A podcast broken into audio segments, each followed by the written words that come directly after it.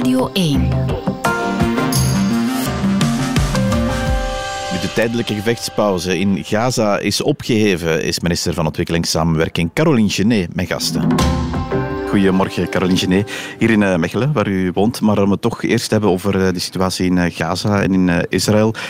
want die tijdelijke pauze in de gevechten die is voorbij met alweer heel wat burgerslachtoffers als gevolg. Hoe kijkt de minister van Ontwikkelingssamenwerking naar zo'n evolutie eigenlijk? Met heel veel bezorgdheid. We zijn hier eh, getuigen van een, van een van de grootste humanitaire catastrofen sinds zeer lang. Um, gisteren hadden we nog een briefing met, uh, met mensen die nog op het terrein in Gaza zijn, van Médecins du Monde, maar ook van de VN. En zij geven eigenlijk aan de humanitaire schade, het humanitaire leed van gewone burgerslachtoffers is niet te overzien. En eigenlijk is zo'n humanitaire pauze, dat is eigenlijk een beetje een fake uh, oplossing. Um, nog altijd komt er bijna nauwelijks water toe. Nog altijd komt er, uh, komt er bijna geen voedsel toe. En uh, het medicijntekort is gigantisch. Is het over de situatie in Gaza? In Gaza, ja. Ik, ja. Mm -hmm. Want gisteren is er ook beslist om, om hulp vanuit ons land, die al, al eerder goedgekeurd was, om die, die richting uit te sturen. Wanneer, wanneer gebeurt dat dan? Wel, dat gebeurt volgende week. Vertrekt er een Europees gecoördineerd uh, vliegtuig vanuit Oostende naar El Arish in uh, Egypte. En dat gaat dan effectief om, om wat er tekort is in Gaza over het medisch materiaal, over shelters, over matrassen, over dekens. U weet dat honderdduizenden mensen schuilen ook in, in gebouwen van de VN. En ook daar is de situatie rampzalig. Er zijn eigenlijk nog maar 25 procent van de ziekenhuiscapaciteit die is operationeel. Um, en eigenlijk zijn ziekenhuizen en scholen vooral een toevluchtsoord geworden van mensen die gebombardeerd zijn of wiens huizen gebombardeerd zijn. En wij voorzien nu extra materiële hulp. Ja, hoe weet u dat dat niet in de foute of de verkeerde handen zal terechtkomen? Want dat is natuurlijk wel die schaduw die daarboven dat conflict ook hangt, met name die van Hamas natuurlijk. Wel, wij zijn natuurlijk georganiseerd om uh, de hulp te laten toekomen bij de mensen die het echt nodig uh, hebben. En dat zijn de burgerslachtoffers. Uh, wij werken via het Internationale Rode Kruis. We werken via eh, de VN-organisaties en zij leveren die medische assistentie, eh, dat voedsel, dat water, rechtstreeks bij de burgerslachtoffers. Ja, het feit dat Hamas daar natuurlijk wel actief is, bemoeilijkt dat ook de situatie, ook, ook politiek gezien? Ja, uiteraard. Hamas is een terroristische organisatie, is ook geen gesprekspartner uh, voor Europa of uh, laat staan voor België.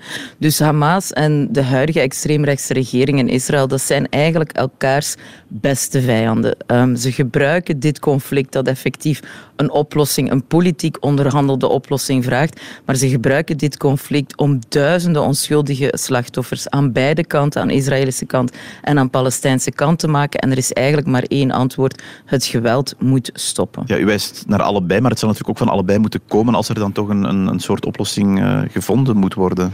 Wel, met Hamas denk ik dat er geen oplossing te vinden is. Um, op de Westbank, de westelijke Jordaan-oever, daar is de Palestijnse autoriteit uh, in controle.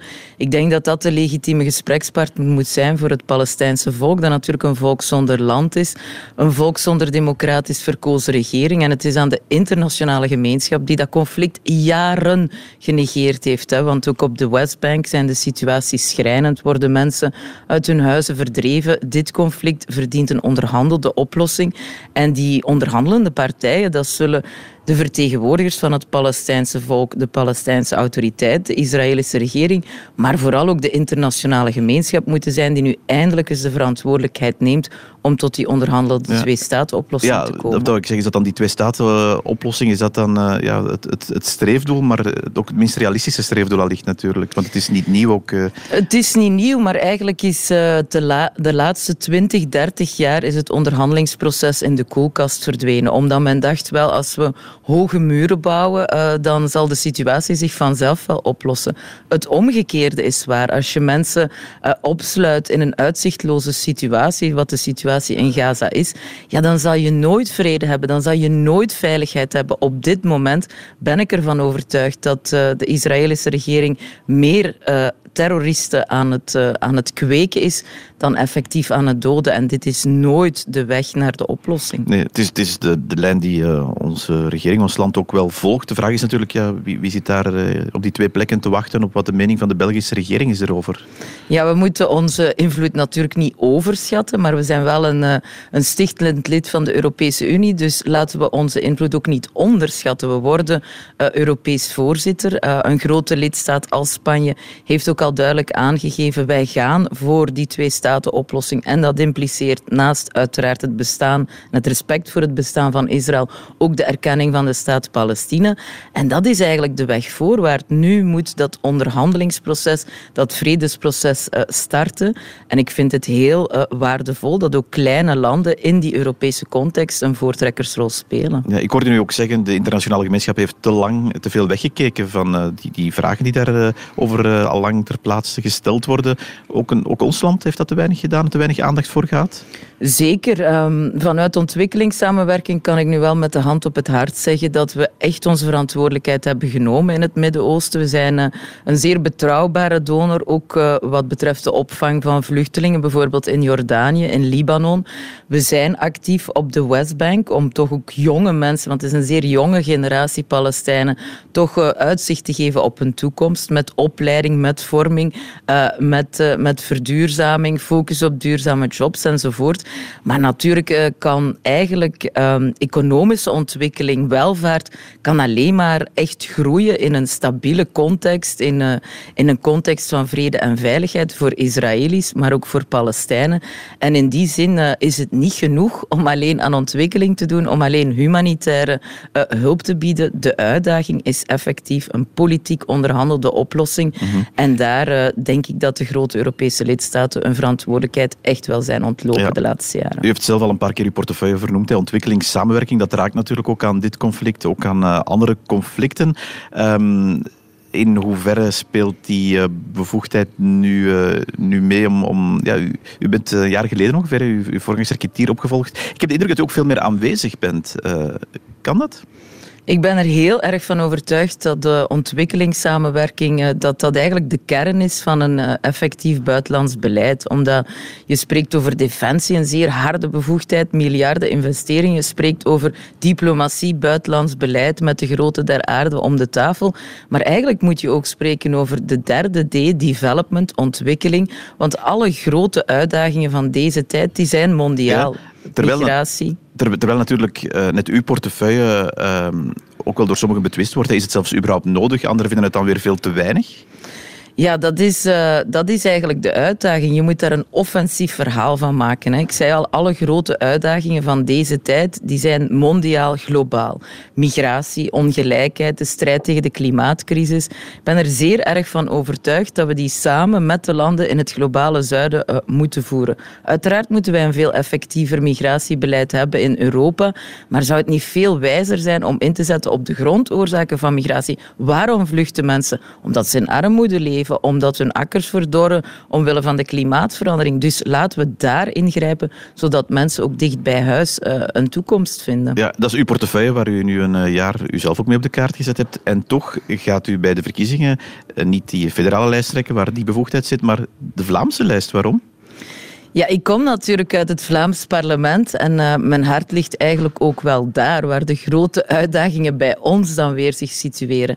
De Vlaamse regering heeft uh, de laatste jaren heel wat steken laten vallen. De kwaliteit van ons onderwijs gaat achteruit, het openbaar vervoer staat stil, uh, de crisis in de kinderopvang is gigantisch en bovendien ligt ook politiek daar een grote uitdaging. Stel u zo maar even voor dat een extreemrechtse meerderheid ook hier een opportuniteit of een mogelijkheid is voor bepaalde rechtse partijen. Ze zullen het niet laten, nalaten misschien. En dan ja, stel ik me de vraag.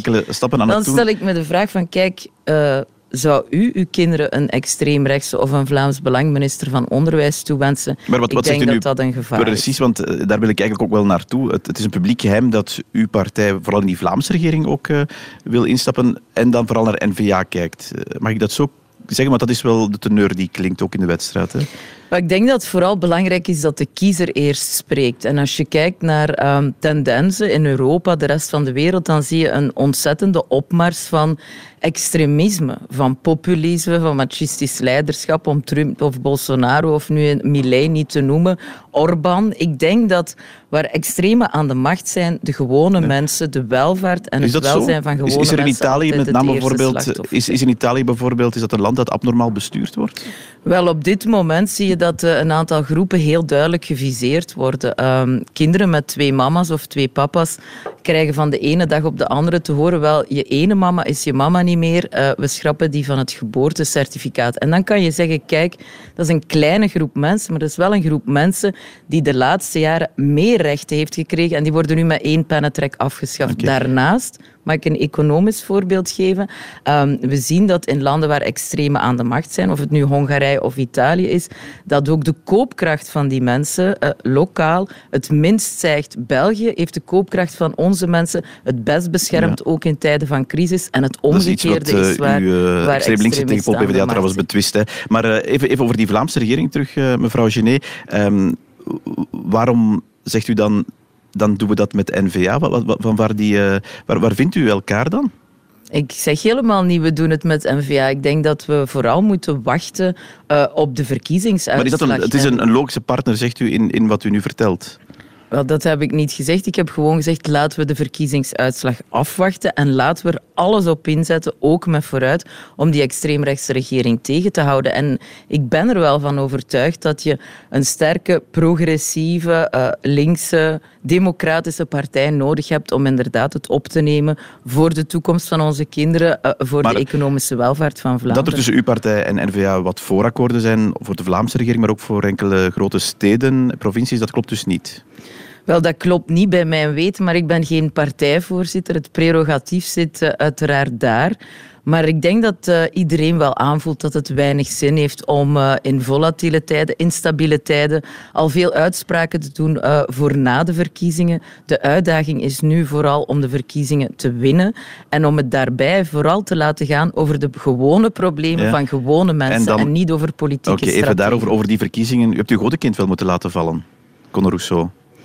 Wel ja, Conor heeft fouten gemaakt en dat heeft hij ook erkend. En uh, daar zijn dan ook uh, gevolgen aan. En hij, hij trekt zich nu uh, terug. Ik denk dat we de overgang gemaakt hebben naar Melissa, die ook al heel sterk was als fractieleider. Ehm, Heb je nog gehoord trouwens aan Conor Rousseau? Wel ja, ik, probeer af en toe hem toch wel wat op te beuren en ik, we sturen wel eens berichtjes. Um, u kan zich voorstellen, na, na het jaar dat hij gehad heeft, dat dat voor hem uh, ja, een, een serieuze dreun is, dat hij nu, dat hij nu aan de kant uh, staat. Maar ik denk dat het nu vooral belangrijk is dat we hem tijd geven, dat we hem rust gunnen uh, om, uh, om wat op zijn positieve te ja, komen. Veel tijd is er natuurlijk niet, want er moet wel bepaald worden of hij nu uh, nog een actieve rol speelt naar die verkiezingen toe. Wat, wat zou uw suggestie zijn daarbij? Want hij is, hij is op dit moment nog altijd lijsttrekker, neem ik aan, voor uw partij in Oost-Vlaanderen. Op dit moment is er niks beslist over de lijsten in Oost-Vlaanderen. Um, maar het is wel aangekondigd hebben... geweest destijds als lijsttrekker. Destijds, uiteraard. En we hebben nu beslist met z'n allen, vooral op vraag van Conor zelf, om hem wat rust te gunnen. En ik denk misschien na de, na de kerstvakantie, periode van bezinning, vooral een, een periode van rust voor Conor zelf, dat we dan opnieuw het gesprek zullen aangaan. En dan wordt er beslist of hij effectief die lijst trekt? Wel, dan zal er met hem gesproken worden van uh, waar ziet hij zijn toekomst. Op dit moment is het daar zeker uh, te vroeg voor. En ik denk ook wel dat het uh, tijd is om wonden te laten helen. Conor heeft ook mensen echt beledigd. Mensen hebben daar verdriet om. Mensen voelen zich boos. Ik denk dat het belangrijk is om ook die gevoelens te respecteren. Ja, als u zelf een suggestie, u zegt ik hoor hem soms, zou moeten doen, wat vindt u dan dat hij moet doen? Of, of zou moeten doen? Is, is, is, is, het, is nog een optie na wat hij gezegd heeft om die nog de lijst te laten trekken? Het is daar echt veel te vroeg voor. En ik vind ook dat... Uh, maar goed, het heeft niks meer veranderen dan wat die uitspraken waren natuurlijk. Maar die hè? uitspraken zijn uh, veroordeeld. Hij heeft daar ook gevolg uh, aan gegeven aan, aan die veroordeling. Hij heeft zijn verantwoordelijkheid genomen. En we gaan kijken wat de toekomst brengt. Maar op dit moment is het zeker te vroeg om uitspraken te ja. doen. Hebt u het gevoel dat uw partij daardoor in een slechter vaarwater zit? Wel, ik kan niet ontkennen dat het een opdoffer was. Hè. Is een ongelooflijk getalenteerd uh, politicus. Hij heeft ons als partij ook opnieuw op de kaart uh, gezet. Hij heeft er één team van gemaakt. Maar dat is net de sterkte. We zijn echt een team. Um, en we hebben heel veel sterke mensen. Ik had het al over onze nieuwe voorzitter, Melissa. Um, Frank en ik uh, vormen een goed team, ook in de regering. En we hebben ook heel veel nieuwe lijsttrekkers. Dus ik geloof er wel in maar ik hoor je ook wel dat ons verhaal vrezen wel, dat dit wel electoraal ook wel gevolgen kan hebben, als, als ik u goed begrijp. Ja, natuurlijk. Uh, uh, Conor was, of is nog steeds uh, een van de populairste politici. En als er dan iets gebeurt, is dat natuurlijk, is dat natuurlijk een tegenvaller.